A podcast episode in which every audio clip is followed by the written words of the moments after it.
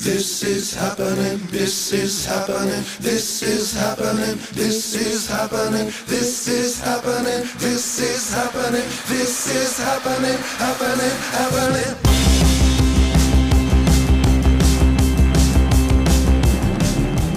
Welkom bij Where Music Takes Us, een podcast waarin Maurits Westerik en DJ Sint-Paul in gesprek gaan met makers en vrienden van het festival Best Kept Secret.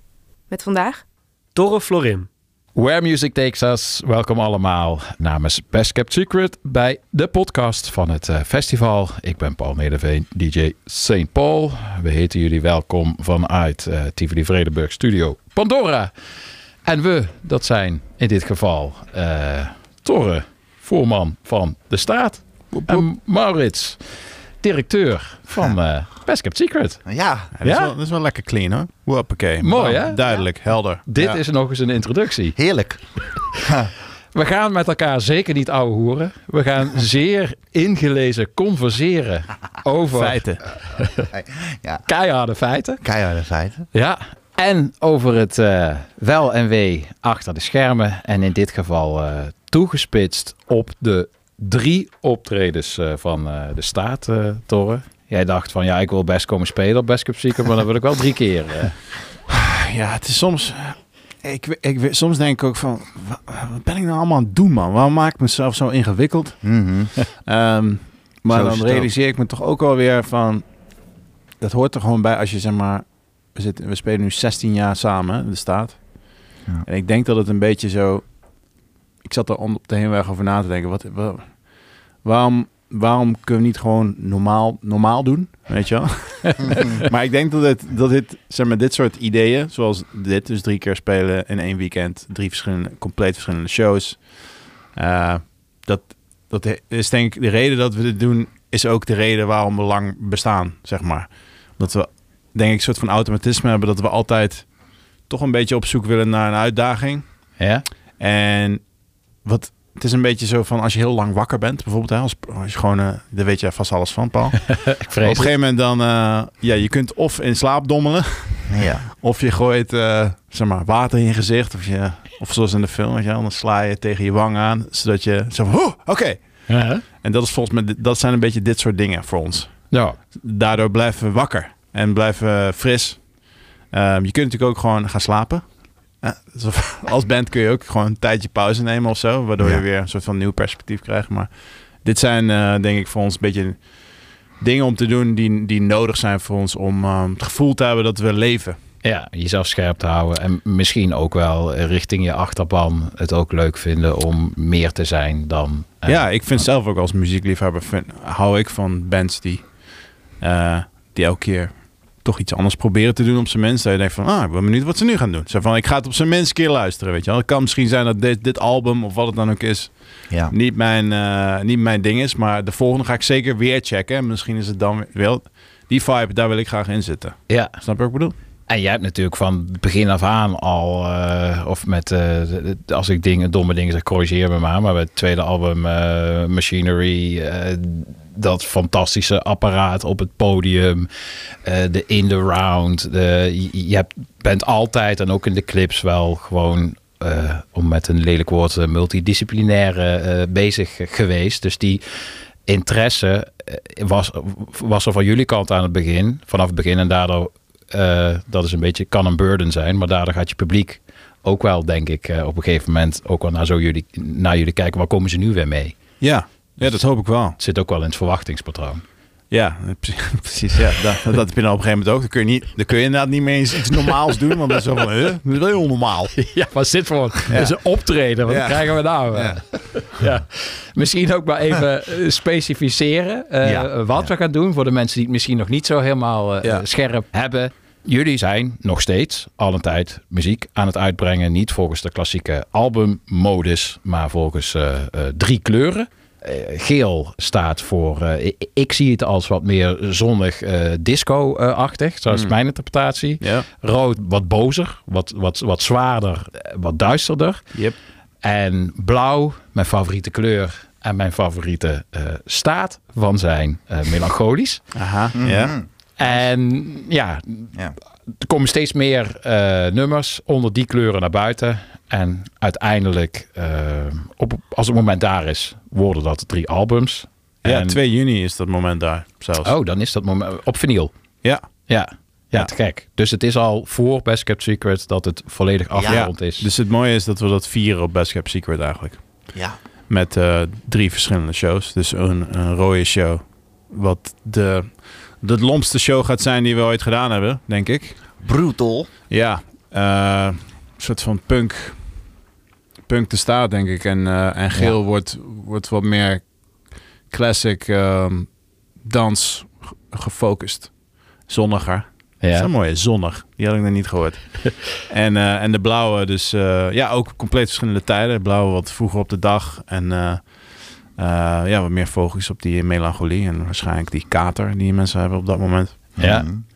Ehm, dus ja, voor ons ook een, eh, een uitdaging. Heel erg. En zijn dat dan eh, allemaal de nieuwe nummers? Of pas je ook oude nummers die bij dat gevoel van, van dat rood, van dat geel of van dat blauw Goeie vraag. Goeie vraag, Paul. Oh, Ehm, ja, nee, ja, we, pakken dus ook een hoop oude, oude, oude, oude nummers. Trekken we uit de, uit de kast.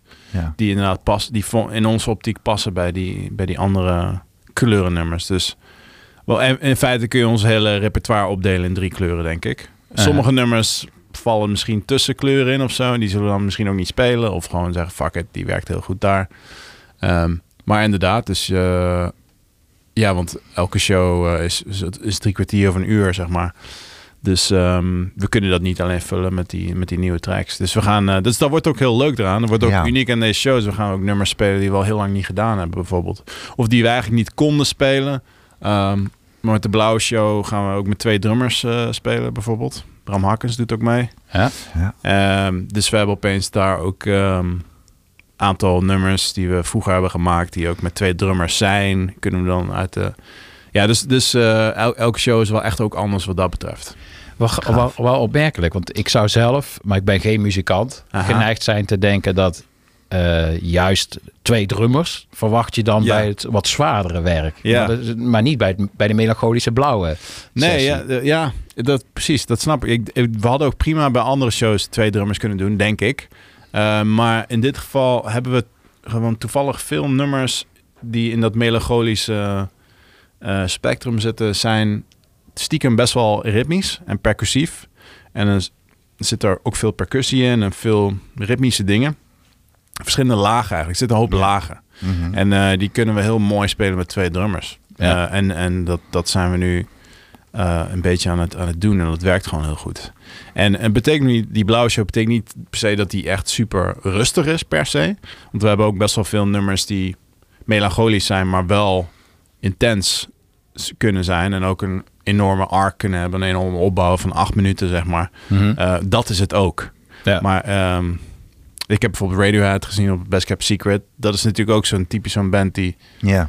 ehm, dat voelt voor mij een soort blauwe, blauwe band, zeg maar. Op een Ja, ja, ja. Want die hebben ook super ritmische dingen of zo. En dat kan ook wel hard zijn op een bepaalde manier. Maar het heeft ook altijd een soort van Groove triest, triestigheid, groove. Ja. ja. En het is zo van, een soort van dubbel gevoel daarbij. Waarbij Ja. het wel heel erg energiek is, maar ook eh, melancholisch. En eh, dat, is, dat is ook wat we denk ik bij onze blauwe show ook wel gaan zien. Dus dat combinatie van en heel rustig, maar soms ook best wel intens kan het ook zijn.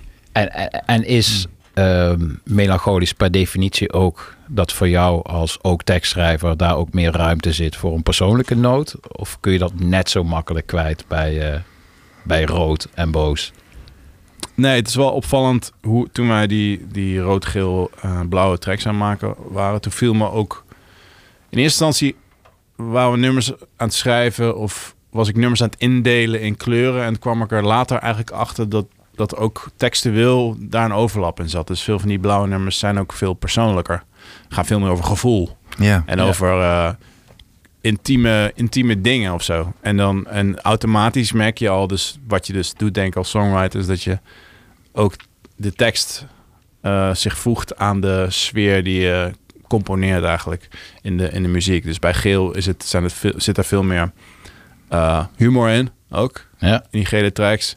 En bij de rode zit er veel meer toch een soort van eh, maatschappelijke soort van eh, cynisme of sarcasme in of zo. En, ehm, Commentaar. commentaar, ja. Ja. Maar ook een, ja, ook een beetje bozig en een beetje geschreven vanuit de, vanuit de duivel op een bepaalde manier.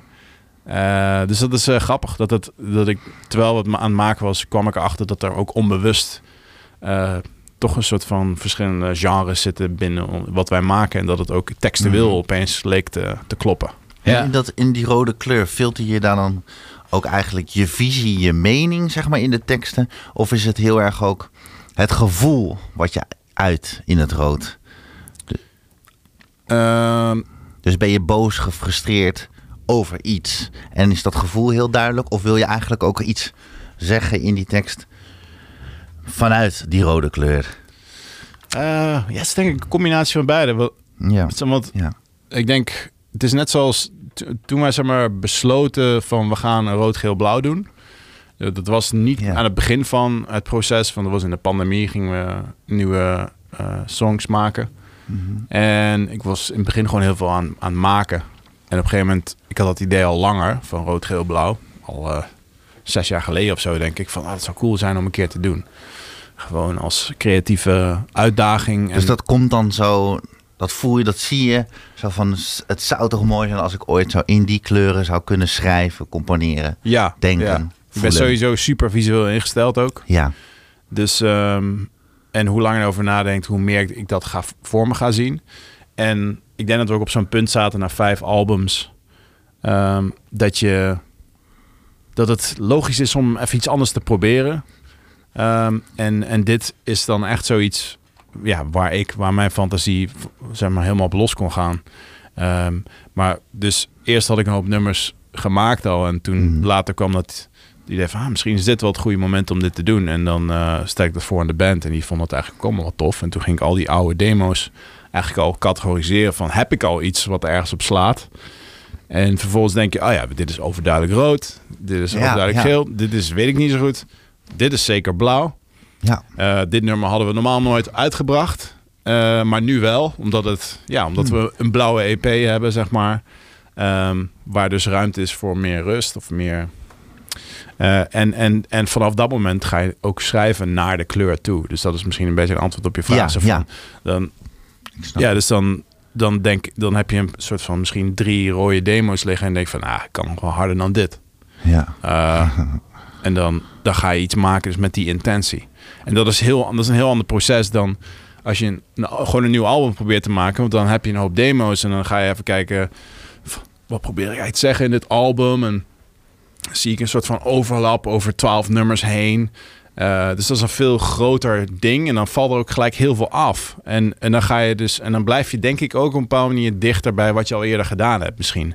Ja. Want het is lastiger om twaalf nummers heel erg anders te doen dan wat je daarvoor hebt gedaan. Dat Ja. hoeft ook niet per se, maar dat is altijd wel iets voor. Ik hoop altijd een soort, toch een soort van nieuw verhaal te maken. Ook dat elk nummer een eigen identiteit heeft, een beetje binnen dat verhaal. Maar als je dus jezelf opdeelt in drie kleuren, dan is het opeens. eh daar kun je eigenlijk los, want dan heb je rood en dan is het van. Ik heb nu drie rode demo's, wat ik zei van. Ja, maar het kan nog wel lomper dan dit. En daar is dan precies alle ruimte voor. En dan denk je, laten we nu even. Ik ga nu even iets op de piano eh, schrijven of zo. En dan stel, hè, dat heb ik Ja, niet, ja. maar als er echt een enorme ballad eh, bij zou zitten, echt Ja. een enorme ballad, dan ha- had ik dat nooit op dat album gezet, omdat het zo'n vreemde eend zou zijn. En dat zou ik het zelf ook niet mooi vinden, want dan past het niet bij dat geheel, snap je? Maar Ja. dit, En dit, nu- ja. dit klinkt alsof het bijna... eh, alsof het ontstaan is vanuit, om vanuit vrijheid te kunnen schrijven. Maar uiteindelijk worden het wel drie albums. Dit klinkt alsof dat pas gaandeweg... eh had je op een gegeven moment zoveel materiaal dat je dacht... dit moet ook wel een album worden? Of was, of was dat wel van het begin af aan ook het plan... dat het uiteindelijk ook toch wel drie volwaardige albums... eh, die die drie kleuren vertegenwoordigen zouden worden? Nou, eigenlijk was in het begin eigenlijk, het idee om dat helemaal los te laten. Van, eh, ik weet niet, zo van, we weten niet wat het gaat worden. Zo van, want dat was ook, zo zijn we ook echt begonnen. Want we gingen ook releasen in de pandemie. Ja. Dus het was zo van, ik was heel blij dat we niet op dat moment een heel album gingen uitbrengen. Omdat je, we wisten nog niet of wanneer we konden spelen. En we hebben zoveel bands gezien van, die Ja. hadden al iets gereleased. En toen was het opeens toch een jaar niet spelen of zo. Ja. En dan valt dat, vergeet iedereen dat album. En dan vergeet de band zelf ook een soort van dat album. En dan kun je opeens niet echt meer spelen op dat album. En dan moet je eigenlijk opeens weer iets nieuws gaan maken. Dus ik was heel blij dat we drie nummers uitbrachten. We brachten eerst een rode, een gele en een blauwe uit. En die brachten we uit. En dan was er van, hé, hey, misschien kunnen we... In maart staat nu een tour. Of in februari was dat. Mhm. Eh, hopen dat we dan kunnen spelen, fingers crossed. En het bleek dus dat ja, er konden van de tien shows konden er twee doorgaan, geloof ik. Eentje in Parijs en eentje in Londen of zo. Mhm. Ehm, dus, maar, dus, maar ja, eh, eh, twee maanden later of zo brachten we er weer drie uit. En een paar maanden later weer drie. En op een gegeven moment weer één en nog één. En we hebben inmiddels al elf nummers uitgebracht. En op een gegeven moment was het zo van... Ja, wanneer gaan we het afronden of zo. Maar dat moment was van tevoren helemaal niet Nee. eh, besloten. Nee. dat, dat was ook het idee van het, Ja. we wilden eigenlijk alles een beetje anders doen. Kijken of het werkt.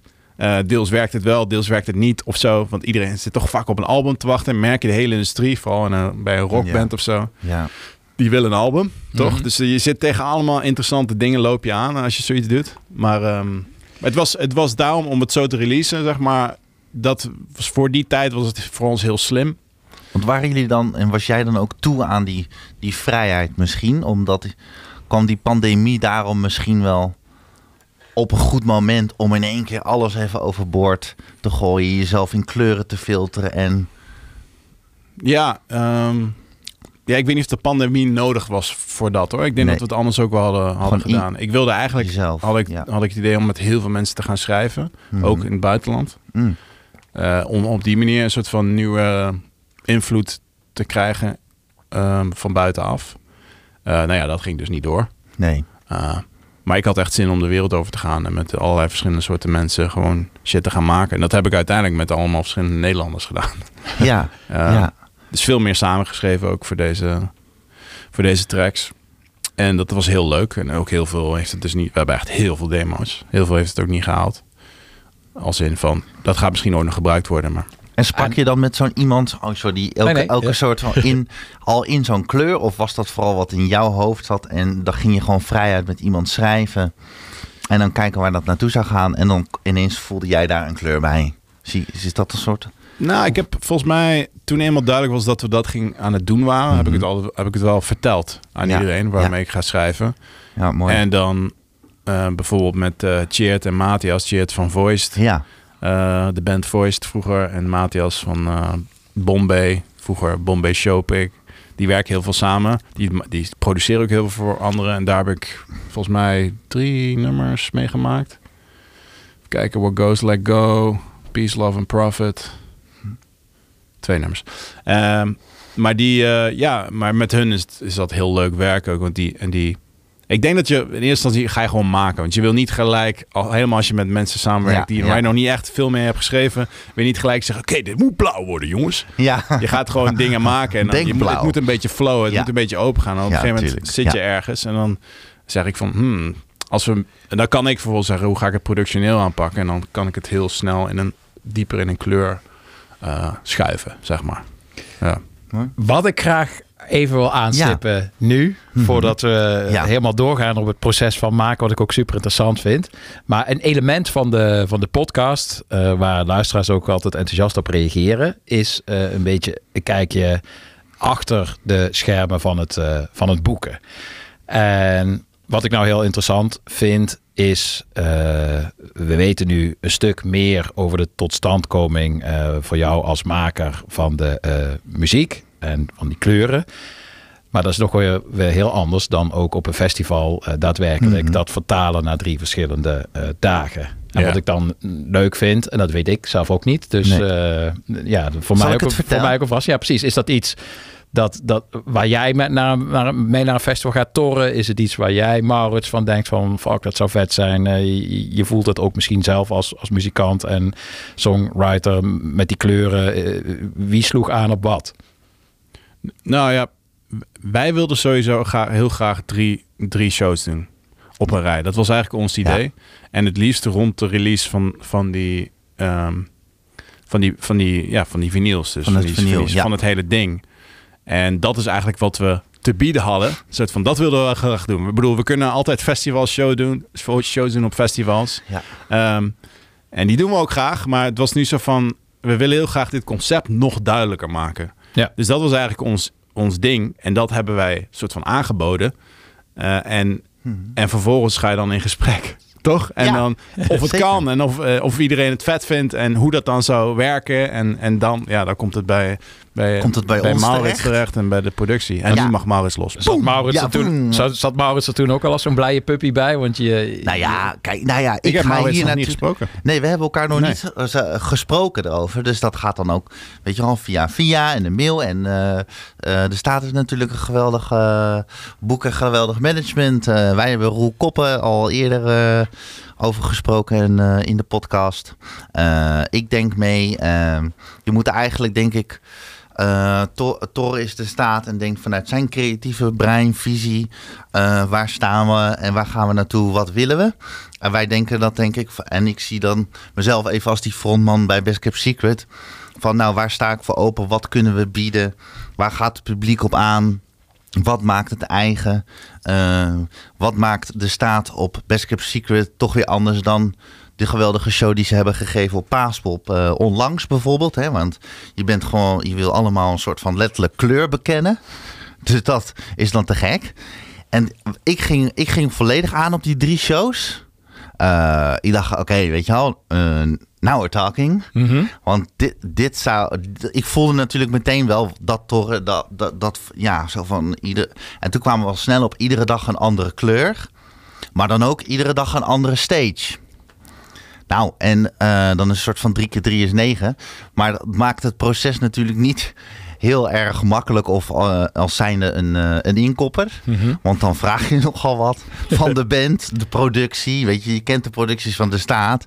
Wij, je, je zit dan ook een beetje zo met staart, staart, sorry, dit was geen woordgrap, tussen de benen zo van, gaan we dat, gaan we dat benoemen? Want je wil, je, kijk, wij, ik denk dat wij er altijd ten alle tijden aan doen ik, wij zien onszelf als een, als een heel mooi, kleurrijk, bijzonder platform. Ten behoeve van de muziek. Van liefhebbers, van liefhebbers, voor liefhebbers. Dat is echt het belangrijkste wat er is.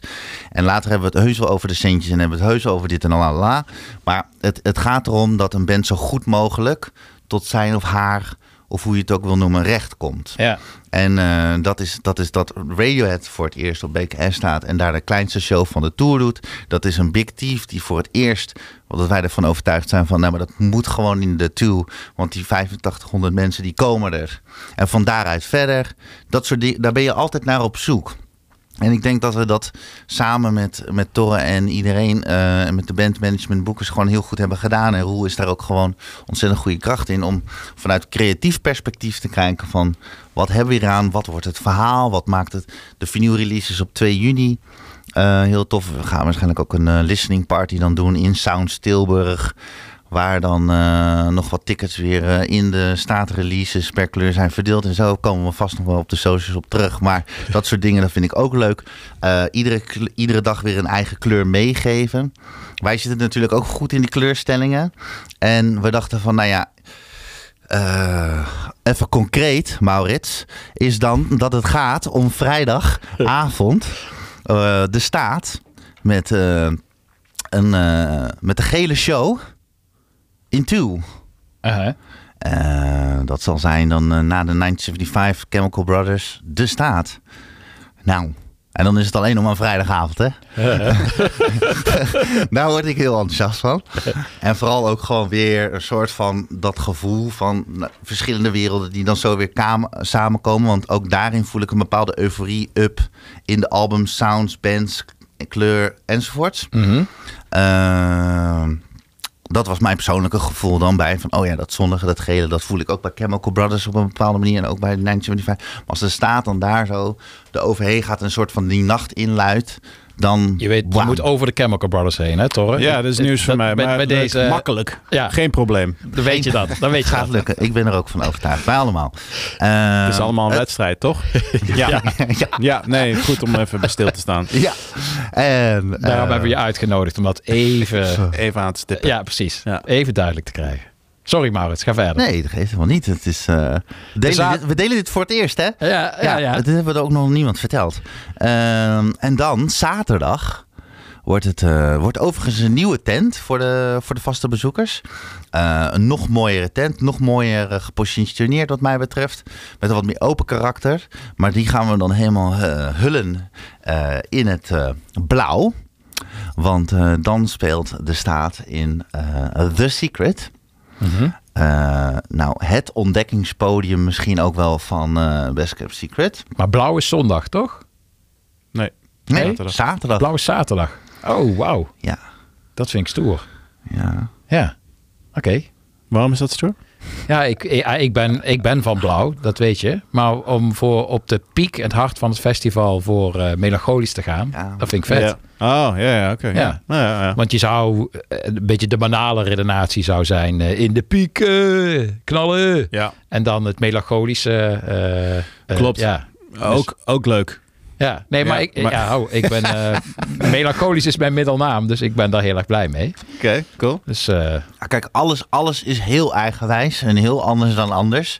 Ehm, dat is wel duidelijk, denk ik. ja. Z- Zeggen we dan ook eh, wat, we dan, wat jullie zondag gaan doen? Ja, tuurlijk. Doe het. Ja. Zeg het. Vertel het ze. Want dan, eh, dan zijn we nog lang niet klaar. Eh, ja, ik, heel vet. We, we gaan hem ook eh, een andere kleur geven, dus. En dan zal de staat op zondag. eh, als we allemaal met een kater daar zijn en dan weer totaal worden wakker geschud alsof we op een andere planeet landen. eh, de rode show, een rode show geven in The Cashba. En eh dat wordt Rockerola. Zo. ja. Ja, dus meer punkrock, eh, garage, noem het allemaal maar op. Alles wat, eh, wat je denk ik ook voelt bij de muziek. eh, dat zal daar allemaal tezamen komen. Het zal er, het zal er, ja, het zal er kolken, het zal er tochten. Maar ehm, heerlijk, heerlijk. En ja, nou en dat, ja, En dat, Mm, ja, dat. dat. Ja. Mij lijkt het dit niet alleen een uitdaging blokken, schema, technisch, eh, productioneel gezien. Maar het lijkt me ook nog wel een uitdaging voor de afdeling promo. Want je wilt natuurlijk wel dat mensen eh, daar uiteindelijk staan met ook, zoals, zoals jij Toren het, eh, het uiteindelijk bedacht hebt. En mij valt vaak bij festivals op de laatste tijd. Ja, ik word natuurlijk ook veel geboekt. En promo is zo'n ehm, lopende bandwerk geworden. Persfoto, persbio. De meeste artiesten leveren gewoon zelf alles eh, eh, aan. Er wordt niet meer heel veel echt gecreëerd door festivals eh, zelf. Veel, zelfs bij poppodia zijn, zijn, zijn marketingmedewerkers zijn eigenlijk vooral aan het, aan delegeren. En nu wordt er wel wat gevraagd, denk ik, van het festival. omdat het valt of staat bij dat mensen er ook daadwerkelijk aanwezig zijn en zich bewust zijn van het feit van hey, gisteren was het eh, geel, vandaag is het eh, blauw. En natuurlijk moeten ze ook los van die gedachten kunnen genieten. Maar om het echt te laten landen is het wel fijn als mensen van tevoren ook gewoon goed eh, op de hoogte. Ja. Dus dan vraag ik me, is daar, zit je daar dan ook? Ik kijk even naar Maurits, Oh. maar is daar ook gewoon Nou. publiciteit bij betrokken al in een vroeg stadium? Hoe, hoe brengen we dit over het voetlicht? Dat het niet. Kijk, Ja. wij, de- wij denken van beide kanten altijd over alles na. Laat wel duidelijk zijn. En dat doen we ook heel graag. En dat doen we ook met veel plezier. Want het is ook belangrijk. Want je wil het ook goed, goed neerzetten.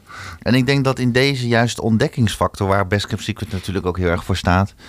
is dat je er staat op zoveel eh, verschillende momenten... en verschillende kleuren en verschillende eh, areas, eh, stages... zal zien wat ook echt lange tijd niet meer gebeurd is.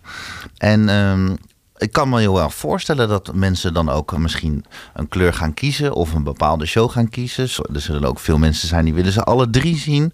Eh, ik ben gewoon heel benieuwd wat dat doet. Het is, ik vind ook de experimentele insteek van dit alles, maar ook wij hebben er ontzettend, en ik heb er heel erg veel waardering voor, want het is, een ons, het is echt een, god, heftig kawaii voor zo'n band. Ik kan me dat natuurlijk ook echt voorstellen. Eh, iedere dag een andere show, dat is nogal wat. En dan ook nog steeds met een andere capaciteit, andere podia groter, dan één drummer, dan twee drummer. Weet ik veel, monitor, afluistering, afstelling. Wat doen we qua visuals? Wat doen we? Nou, en je kan het hele rijtje langs. Productioneel is het echt even een different cookie. Maar ik denk dat, dat, nou ja, dat we daarin elkaar gevonden hebben. Eh, en dat, dat de band die uitdaging aangaat. En eh, tot op heden vind ik het ontzettend eh, enthousiasmerend hoe men reageert.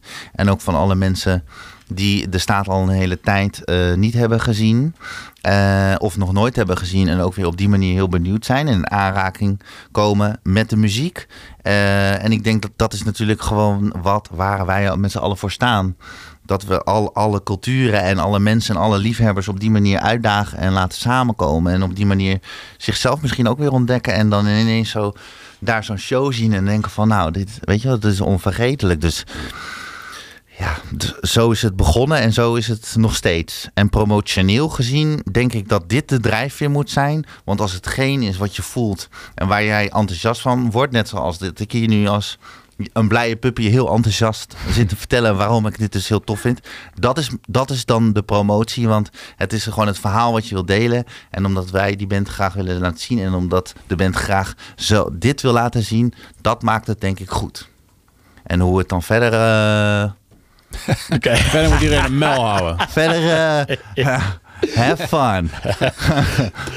Torre, Ja. nog heel even eh, terug naar de muziek. eh, en naar dit concept. En naar die kleuren. Eh, ik merk dat ik gelijk ook als... vooral door als ik de kleuren eh, voor me zag. Ook op Spotify. Die hele heldere primaire kleuren. Moest ik heel erg denken ook aan eh, de stijl.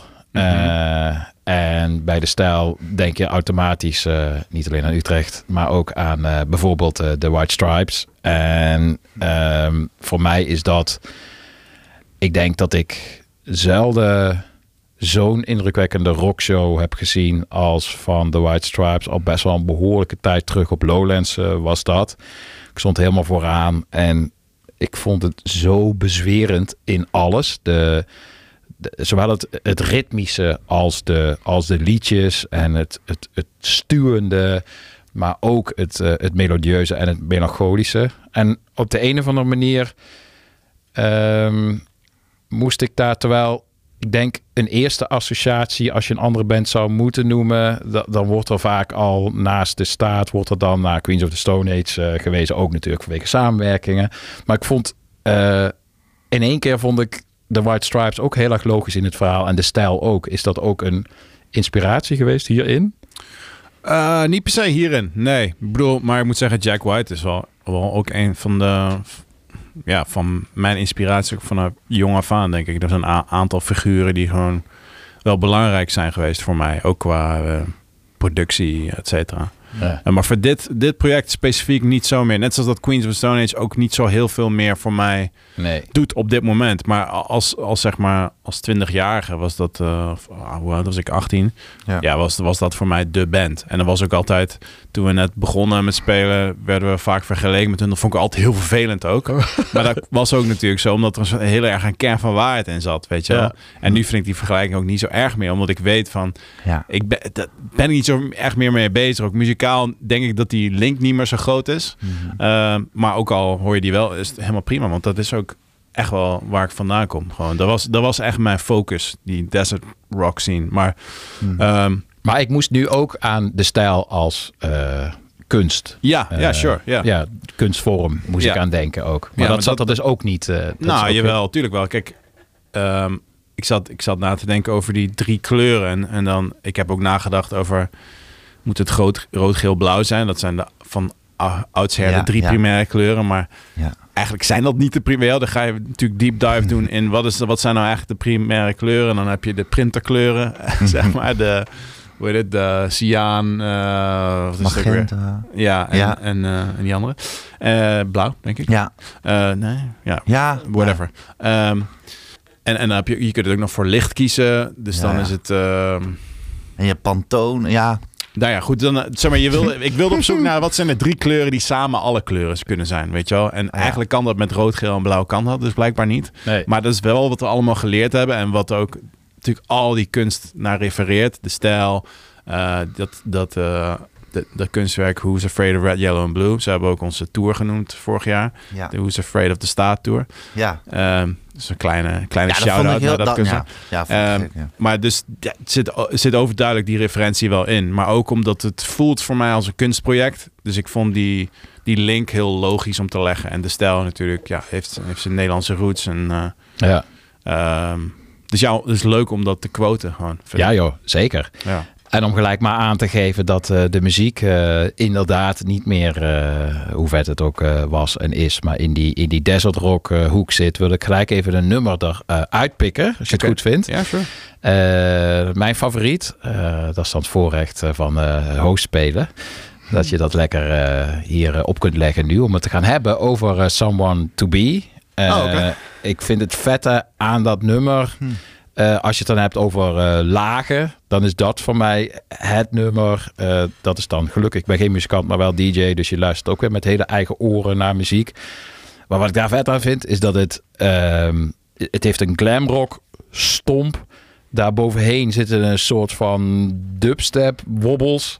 En dan heb je ook nog strijkersarrangementen. Die doen me dan aan de Last Shadow Puppets denken. Die hebben een heel klassiek eh, gev- gevoel. Klassiek popgevoel ook echt. En ja, ik vind dat zo'n wonderlijke combinatie van invloeden. En vaak wordt het dan toch, mm, is het meer, mm, is het geheel niet meer dan de som der delen. Maar het is toch ook een, een liedje. Dus ik was benieuwd Ja. hoe dat proces tot stand gekomen was. Het Ja, lijkt me ja. niet het makkelijkste nummer om te schrijven. Nee, ja, het is leuk dat je die noemt. Want dat is een beetje... Die track is een beetje... ehm, die is een beetje... Voor mijn gevoel wordt die, wordt die een beetje vergeten. Of die wordt, wordt het meest overheen gekeken. Voor me. Daar, daar heeft eigenlijk niemand het over. Behalve jij. Ja. Eh, maar het is voor mij ook een, het is wel eh, een van mijn favorieten ook. Om die reden, omdat het inderdaad is een hele gek combinatie van van alles en nog wat. Maar eh, het, het voelt wel alsof dat helemaal klopt voor mij ook. Toen ik het aan het maken was ook, dacht ik... Er zit van een soort van enorme funky beat eigenlijk aan, ten grondslag. Maar is vreselijk moderne dubstep eh, bas in het refrein inderdaad. Maar dat in combinatie met hele melancholische zang. En bijna, het heeft iets, ja, ja melancholisch is eigenlijk gewoon een goede woord. En ik weet niet meer precies hoe dat ging, maar ik was denk ik begonnen. ehm, ik weet niet meer hoe ik ben begonnen. Ik denk met de akkoorden gewoon en zang. Ehm, en ik denk dat ik die, die dubstep sound ergens had gevonden en, daar, en dat eronder zette. dacht ik van, wow, dit is, dit is vet. Dit vind ik cool. en, want normaal gesproken zou ik zo'n dubstep bas denk ik niet zo snel gebruiken. Tenminste niet in de dubstep, maar op de dubstep manier. Omdat het dan zo, Mhm. dan wordt het zo dubstep. Nee, ja, Weet je precies, meteen. ja. Het is zo'n typisch geluid. ja. Eh, maar door de combinatie met, met, met deze, in deze blauwe wereld is het opeens, heeft het iets heel... Ja, ik kan het niet omschrijven. Maar iets waar ik zelf dus ook heel erg eh, eh, blij van werd. Ja, het is En- een dubstep, het is een strijkje. Het is echt een, dat, dat vind ik het mooie eraan. En dat het, het, het bijna het kenmerkende van dubstep, althans, wel even een kleine nuance in aanbrengen. Die allereerste dubstep was juist super diep en super muzikaal en super melancholisch. En het is door de, de Skrillexen is het door de soort kermisvariant eh verwoorden. Maar het mooie hieraan vind ik dat het weer een beetje teruggaat naar. eh, doordat het als een, als een accent aangebracht is, brengt, bracht het mij weer een beetje terug naar de, naar de begintijd van dubstep ook. Ja. Waarin dat helemaal niet zo eh, in je gezicht gedouwd werd als waar je het nu mee associeert door eh, de latere periode toen het heel populair was. Er was Ja. eigenlijk een periode, je, je kon bijna geen dansvloer oplopen. Of, Ja, ja, ja. ja. ja. Ja, ik vind het nog steeds wel eigenlijk heel fijn. Ik bedoel, ik luister er niet vaak naar, maar hoe dat klinkt. Ik vind het wel een van de meest bizarre muziekstromingen die er is ontstaan de afgelopen tijd. Absoluut. Alleen al vanwege ook het tempo. En je kunt er eigenlijk niet op dansen. En dat is, maakt het juist zo gaaf. Ja. Terwijl iedereen ging om op een gegeven moment. zo intens ook geproduceerd en heel, heel bijzonder eigenlijk. Ja. Ja. En dan, ja, dan wordt dan toch een beetje om gelachen door sommige mensen. Maar dat vind ik dan echt onterecht, omdat het zo... Het is eigenlijk heel vernieuwende muziek. Ja joh, Ja. zeker die vroeger, die hyperdub eh, dingen allemaal. Echt fantastisch. Dan moet ik wel toegeven dat ik ook nog zelfs die... eh, dat kon echt niet eigenlijk. Maar je had zo'n eh, Dr. P, die, die eh, eh, eh, Tetris eh, remix. Ik weet niet of je dat nog kunt nee, herinneren. nee, niet. lomper dan lomper dan lomp. Dan had je dat. Ding. En dan fuck. En dat was echt, echt gewoon lomper wordt het niet. Maar toch, de- eh, heel lang had die dubstep was gewoon een nieuwe punk of zo. eh, ja. Ja, ja, precies. Ja. Het is ook heel erg het gevoel. Of tenminste, ik voel, je voelt er altijd iets bij. Of Ja. het melancholisch is, of het een soort agressie. Of beide eigenlijk. Want ik- ik vind, ik kan ook heel, best wel soms melancholisch, teleurgesteld, boos zijn. eh, in iets. eh, of iemand. En eh, ja, ik weet niet. Het is zo altijd tegen de stroom in. Misschien ook wel. ja, ja, ja. Ja, Dat is lekker. dat heeft het... Eigenlijk wil je dat sowieso altijd wel. Ja, ja ik vind eh, die song ook specifiek, Some on the Beat, er zit ook nog eens een soort van eh, Hm. eh, kerkbellen in. Mhm. Ook heel typisch eigenlijk. Maar het- voor mij, zeg maar, qua tekst s- klopt het allemaal bij elkaar. Het gaat een beetje over een soort onvrede met jezelf en een soort van in herhaling vallen en, en ga- gaat over liefde en eh, nou ja, gaat over heel veel dingen. Dus het is ook logisch dat heel veel al die elementen eh, verschillend zijn en dan toch Ja. samen een soort van eh, wat chaotisch lijkt, maar toch, toch één ding kan worden of zo. Ja, ja, het had Ja. ook, het heeft, het- ik moet dan ook denken, ook door die strijkers. Dus bijna ook een soort moderne variant qua arrangementen van Ennio Morricone als je dan zegt klokken. En het, het Mm. heeft ook iets, iets, iets filmisch. Nou ja, Ja. je zegt het al, jij werkt eh, sowieso altijd heel erg beeldend. Ja. Hmm. Eh, je Ja, ik wilde eigenlijk in dat strijkerstuk wilde ik dus een, een guest vocalist iets laten doen. Eh, maar dat lukte uiteindelijk niet. Dus toen, heb, toen kwamen opeens de strijkers daar. Toen dacht ik, oh, dat is eigenlijk veel beter. ja. ja. dus dat is ook weer zo'n fijne toevalligheid. Ja. En, en heb je die laten inspelen? Nee, dit is een soort combinatie van ehm, allerlei verschillende samples. ehm, die wat samen op deze manier heel goed werkt en klinkt als, als echt. Te gek. Ja, maar het is dus, eh, ja, dat vind ik eigenlijk soms heel leuk om te doen. Om, eh, En is dat dan echt iets te soort- maken wat, wat, heel, eh, wat heel erg goed voelt. Ja. Maar door gewoon een soort van een lange puzzel bezig te zijn. Ja, dat woord wilde ik gebruiken, puzzel, ja. Ja. Als in dat je steeds zo kijkt hoe het in elkaar valt.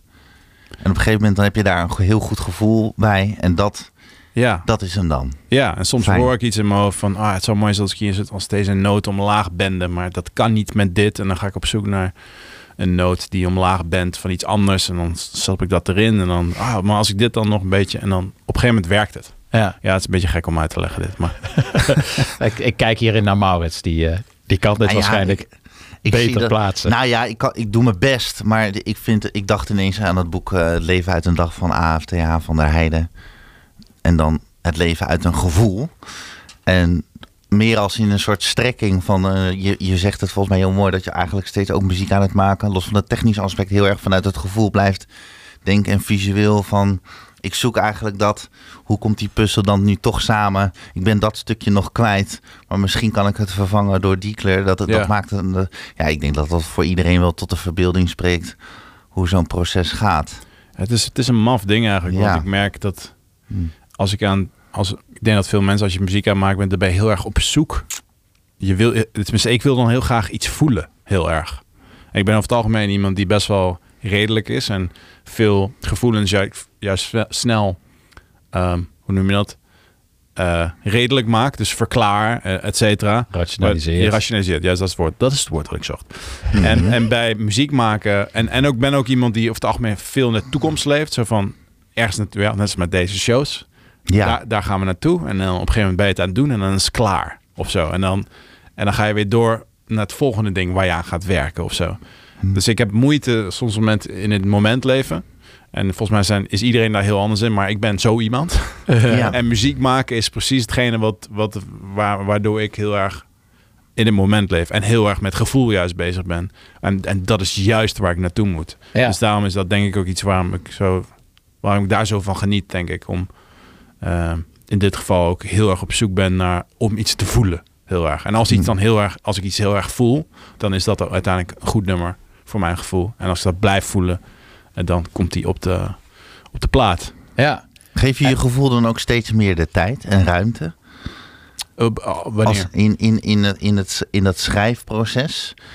Vind je, vind je nu meer rust doordat je dan ook zo'n. Dat je die kleur hebt gekozen van, weet je, dat is toch een vrijheid die je dan mag omarmen. Van, laat ik die Ja. eens pakken in plaats van dat er weer wordt verwacht van twaalf liedjes, eh, Grappig. drie Zo heb ik- singles. Ja. Zo heb ik nog niet echt over nagedacht. Maar het Hmm. is natuurlijk wel zo dat ik een soort breder scala aan mijn gevoelens kwijt kan nu ja, in die muziek. Eh, ook al denk dat we altijd met de staat, daar werden we ook vaak van beticht, hè, hoe is het van, dit is, gaat all over the place. Vooral in het buitenland. Als in Nederland weten veel mensen inmiddels wie wij zijn. En kunnen ze denk ik, kunnen ze muziek omschrijven. Dit is de staatachtig of zo. Maar in het buitenland word je natuurlijk nog steeds heel veel vergeleken met allemaal andere artiesten. Zoals dat gaat. Als je nieuw bent, dan, dan ben je een combinatie van dit, dit en dit. In plaats van dat je jezelf bent, ja, zeg maar. ja, ja, Ehm, en daar we hadden we wel heel vaak het commentaar van dit. de- we, kunnen, we weten niet wat we hier aan moeten. Dit kan in een metal. Dit nummer kan in een metalblad, zeg maar. Als je het hebt over met PR mensen praat of zo. Ja, ja. Maar dit nummer eh, is dan weer indie of waar moeten we daar dan weer heen? En dan dat vinden mensen dus heel ingewikkeld in de muziekindustrie en journalisten dan ook, Et cetera. Misschien Ehm, kun je dan vanaf nu naar het buitenland eh, gepromoot worden als eh, de, de blauwe staten, de gele staten en de rode staten. Dan kunnen ze Nou kiezen. dat- waar ze- Dat was, dat zou je denken dat dat van, oh, nu de, de blauwe nummers kunnen op die radiozender en de Ja. gele nummers kunnen op die. Maar ja, pff, hoeveel werk dat voor die mensen is. Maar we- ik bedoel meer te zeggen, we hebben die, dat eclectische van onszelf hebben we eigenlijk juist eh, in plaats van daar tegen te vechten, hebben we dat eigenlijk omarmd. Al helemaal met dit project zo van fuck, fuck iedereen. We gaan juist ja. super divers zijn. En misschien worden we daar juist duidelijker van, misschien niet, maar het is wel veel leuker om te doen. Dus ja. Hey, en nog even over, de, over het festival en hoe het er uiteindelijk uitgaan gaat zien. Letterlijk zien. Het visuele aspect is nog een beetje onderbelicht eh gebleven. Ja, ja, ja. Terwijl dat, eh, ja, zo werk jij ook heel erg. Dus eh, krijgt dat ook eh, een vorm eh, tijdens de optredens? En heb je daar ja, al, ja, zeker. Nou ja, kijk, ehm, ik denk eigenlijk dat we bij deze shows visueel eh, niet alle podia zijn, zeg maar bijvoorbeeld die Kashba bijvoorbeeld, best wel klein. Ik weet Ja. niet, ik ben er zelf dus nog nooit geweest, maar ik weet dat het klein is. Ja. Eh, dus daar zul je ons niet gaan zien met, eh, ik wil niet te veel verklappen, maar we gaan niet eh, enorme ledschermen ophangen waar, waar je geen ledschermen op kan hangen. Nee, precies. Eh, ik kan wel iemand een tv laten meenemen of zo. Maar, dus we- het hangt ook heel erg af van de, van de plek Ja. en wat we gaan doen. En dat is ook leuk, want we kunnen dus... We, we gaan ook heel erg kijken naar de plek. Zo van, wat is daar? Wat kunnen we daar doen? En hoe kunnen we die kleur daar versterken? Maar ik wil, ik wil heel graag wel dat je op elke foto die er gemaakt wordt, ziet welke show het is. Snap je? Dat is voor mij de, de basis. Van, ik vind het ook heel vet om dit concept heel erg gewoon helder te maken. Eh, maar dat zit hem vooral in de muziek. En, ehm, ehm, ja, en we zitten daar dus nu middenin van eh, hoe gaan, wat gaan we allemaal doen en hoe, wat kunnen we doen. En, eh, ehm, dus het is, ja, wat ik zei van, ik, ik, ik heb wel soms ook het gevoel om erbij te zeggen van, ik weet zelf ook niet precies wat het gaat zijn. Want het is echt een fucking experiment. En dat is ook heel vet eraan. Daarom ben ik ook heel blij dat we dit kunnen doen. Hmm. Super blij dat de Best Kept Secret eh, dit aandurfde. Want het is, het is ook, eh, het is voor ons ook, we weten, ja, we weten ook nog niet helemaal ehm, wat het gaat zijn. En of het gaat, misschien werkt het wel helemaal niet. Maar het is wel, ik bedoel, ik denk, ik zelf als fan van muziek zou dat vet vinden om dat te kunnen zien. Zeg maar, net als dat ik ook het heel vet vind dat ik naar een show ga en ik zie dat er iets misgaat. Of dat de gitaar valt. Of dat er een snaar breekt. En dan kijken wat er dan gebeurt. Hoe gaat die band daarmee om? Dat zijn de dingen waar ik van geniet over het algemeen. En volgens mij heel, hebben heel veel mensen dat. Dat ze iets willen zien wat spannend is gewoon. Ja. En vaak zijn dat de dingen die buiten de controle zijn van of juist heel erg afhankelijk zijn van precies dat moment. En het leuke aan, aan die shows die we nu gaan doen zijn we zijn een heel specifiek moment aan het creëren eigenlijk met elkaar. Iets wat, ehm, wat niet gaat, herhaald gaat worden. Het is geen, het is geen we doen niet een, een tour van dit met Best Kept Secret, weet je wel. Eh, het is niet, we kunnen niet elke show verbeteren of zoiets. Van wij gaan hem doen en dat is het. Ja. En, en mensen gaan daarbij zijn. En die gaan het ook meemaken. En precies op hetzelfde moment weten wij als band of het goed is. en, en precies op hetzelfde moment weet het publiek ook of het goed is. Zeg maar, er is niet zoiets van wij weten al hoe- of dit gaat werken Nee. of niet. We gaan Nee. daar ter plekke achter komen eh, hoe dat is. Want ik vind het zelf nu ook een super uitdaging. Want we zitten dus, nou, ik ben, ik- we zijn nu bezig met die setlist en eh, het invullen van productioneel, hoe we dat doen. Ik zit nu te kijken van, fuck, hoe ga ik dit eigenlijk doen, joh? ik heb één show met alleen maar gele nummers. En we hebben heel veel nummers. Ja. Als, als band, natuurlijk. Dus dat is een, maar dat is een heel leuk... eh, ehm, normaal heb je een soort van eh, lijst van nummers... waar je weet van, nou, die kennen de mensen sowieso. En nu hebben we heel veel nummers waarvan je weet van... ik weet niet of iemand dit ooit wel eens gehoord heeft, dit nummer. Maar dit gaan we wel in de setlist doen. Ja. En, en dat is bij rood, geel en blauw zo.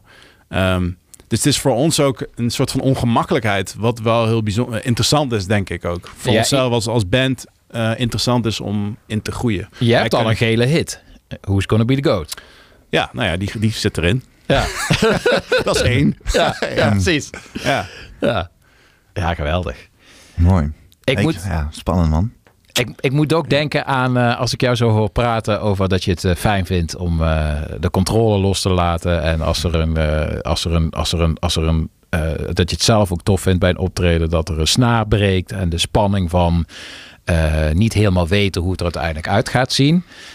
Vind ik dat ook fascinerend met eh, de toren die de gast is bij eh Galit en Sophie. En Mm. daar toch nog wel redelijk eh, optimistisch over artificial intelligence Ja, ja, ja. zat te praten. Ja, ik kon daar nog wel even over doorgaan hoor. Maar eh, ja, ja, was we kort. kwamen niet bij de negatieve kant, ik het. Nee, nee, maar ik vond dat juist, ik vond dat juist waanzinnig interessant. Oké, ja. Want het, eh, en dat wou ik nog tot slot ook even eh, aanstippen, als je Sure. het goed vindt. Ja, ja, ja.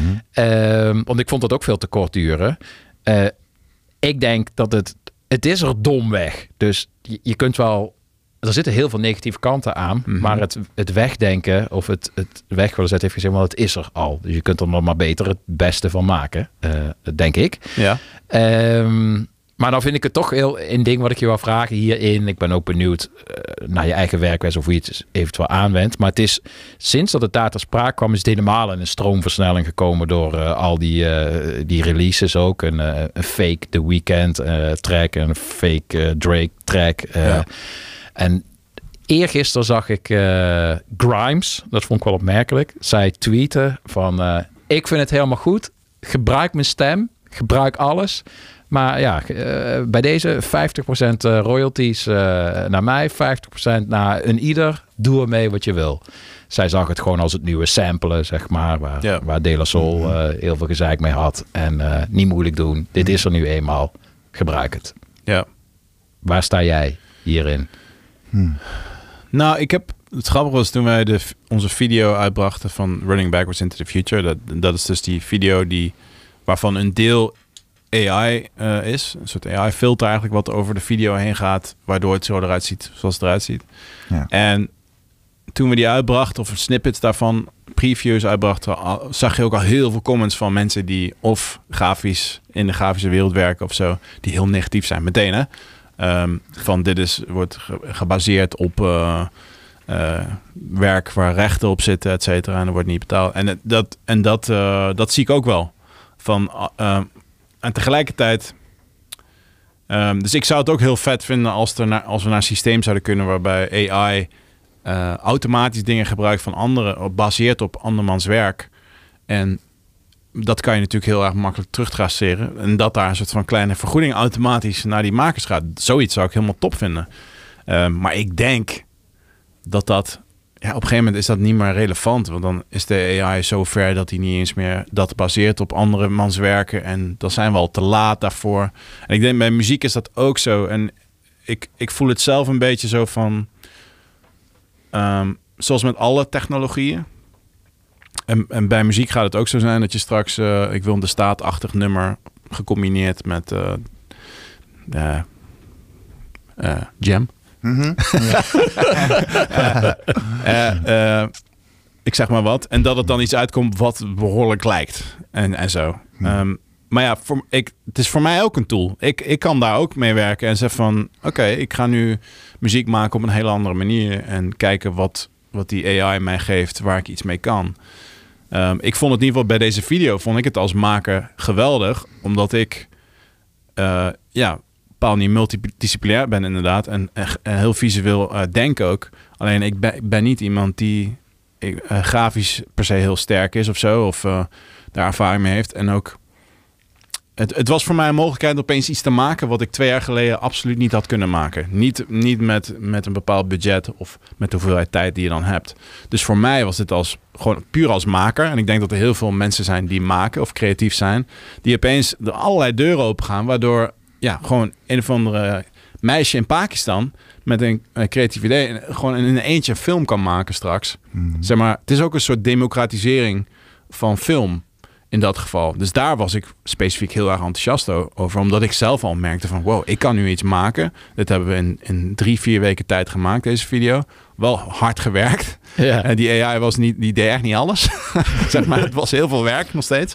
Eh, maar eh, het, ja, we konden opeens wel iets maken wat we eerder niet konden maken. En, ik, en zo zie ik eigenlijk heel veel technologie altijd wel. Dus altijd nadelen van nieuwe technologie. Maar Ehm, ik, ik voorzie ook wel een toekomst waarbij je juist gewoon vooral heel veel kan maken. En dat lijkt me eigenlijk het, het grootste nadeel. Is dat wij straks heel snel heel veel maken. Waardoor er gewoon nog meer shit is om te consumeren.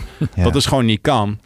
Eh, Dus daar, daar ben ik meer bang voor dan, dan dat er straks iemand met een de staatachtig nummer uitkomt. En zegt van, hé, maar dat is gebaseerd op mijn shit en eh, je moet betalen of zo. Van ja, eh, Ja.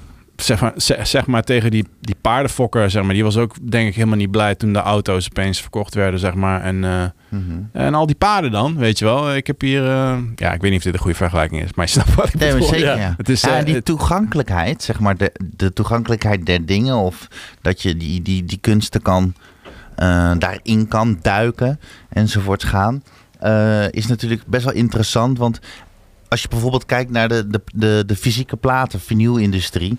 eh, op een gegeven moment maakten we ons, ik zeg even ons, ik heb natuurlijk ook een tijdje voor zo'n internationaal label. En dan iedereen maakte zich zorgen.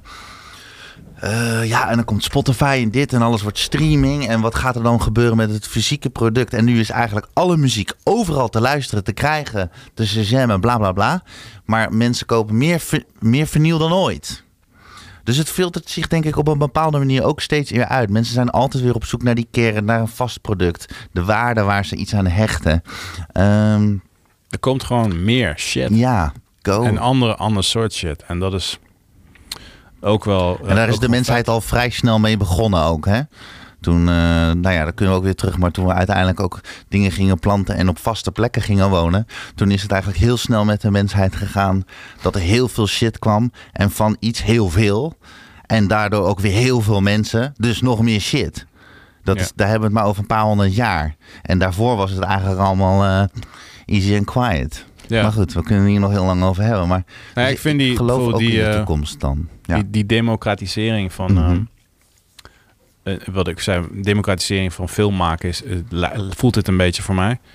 Ja. Dat is met muziek niet heel lang geleden ook gebeurd, hè, waarbij je, zeg maar zo, in, zo rond de 2000 met de laptop opeens hele sikke muziek kon maken. En ja, en, gevolgen daarvan zijn ook heel veel muziekstudio's verdwenen natuurlijk. En dat is ook heel jammer. Ja. Eh, maar daar moest ik ook gewoon een beetje aan denken. Van, ik, ik weet ook niet waar naartoe gaat. Misschien ze, ze, ze hebben, luister je over tien jaar naar terug en denk je... Jezus, waren wij dom zeg. De hele wereld is naar de kloten. dat kan natuurlijk ook. Die, Ja. die toekomst zie ik ook wel. maar ja, Ja. we Ja. zullen het zien. I don't know. Maar die, ga- die gebeurt of dan een paar muzikanten het principieel tegenhouden of niet. Die, die apocalyps gaat toch wel plaatsvinden. Juist. Ja, Dus dat, ja, als je ja. dat... En dan lekker fatalistisch. kun je, er en ondertussen, nihilistisch. kun je er ondertussen in de tussentijd maar beter het mooiste van maken. Of niet, jongens? Hey! Hey! Three Day Infinity. Ah, ah, ja, Free Day Infinity. Maar maak het wel bewust mee, hè. Alles wat je doet, maak het bewust mee. Leef in het nu. Ja. ja. Ja, nou, een mooie optimistische noot om, eh, denk ik, zo langzaamaan eh even eh, af te gaan eh, ronden. ja. We draaien aan het einde altijd een, eh, een nummer is een, eh, is een geheel. We kunnen zeggen, eh, ons allerfavoriete nummer is Someone to Be. Die gaan we lekker eh, opzetten. En dan heb ik die keuze gemaakt voor jou. Dus eh, wat minder gênant dan als jij dat moet zeggen, Toren. Maar we kunnen ook gaan improviseren op kleur en voor iets. En dan kijk ik even naar jou. Toch de grote baas van dit gebeuren, Maurits. Nou. Als het op het festival aankomt. De festival podcast. nou, ik vind het toch... Waar wil je mee eindigen? Kijk, eh Torre mag kiezen van... ehm, of Torre wil ons nog graag iets laten horen. Maar ik vond wel, nu als luisteraar van eh, naar jullie ook zo, nu ik erbij zit, eh, vond ik het, vind ik het toch ook wel heel interessant om het lied te horen waar we het zo goed over gehad hebben. Want eh, we begonnen allemaal wel te stralen hè, en het was een heel mooi eh, verhaal. We gingen meer naar het gevoel in plaats van het praktische productionele gedeelte. Dus wat mij betreft, eh, Ja, sure. ja, Ja, give it a dat? spin. Sure. Bring it on. Ik zou dat ook tof Oké, vinden. dat is gaaf. Omdat het eh, en in eh, de kleur blauw zit. Die ook nog eens verankerd is in het hart van het eh, festival. En gewoon echt een eh, geweldig nummer. Dus mensen die... eh, nou ja, iedereen zal jou kennen. Iedereen, Torre, iedereen zal Best Kept Secret kennen. Maar niet iedereen heeft meteen een beeld erbij. Of zal misschien dit nummer nog niet gehoord hebben. En ik denk, na alles waar we het over gehad hebben... moet je dit ook even gieten in een, in een, in een liedje. Dus fijn dat we dat gaan doen. Cool. En dankjewel uh, Toro voor je aanwezigheid Jullie hier. bedankt voor de interesse. Hè? Hey. Ja, jij ook Maurits. Ja, het was, ons, het was ons een genoegen. Absoluut. Jullie allemaal ook bedankt voor het uh, luisteren naar weer een uh, podcast namens het Best Kept Secret Festival. Kan niet wachten om elkaar dan ook echt te uh, ontmoeten in de Beekse Bergen. Dat woep, woep. ja, duurt niet meer lang. We gaan eruit met Someone to Be van de staat de kleur blauw.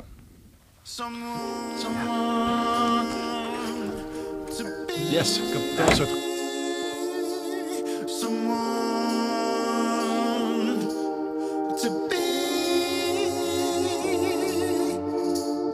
another night to end the day at the same hotel we always stay.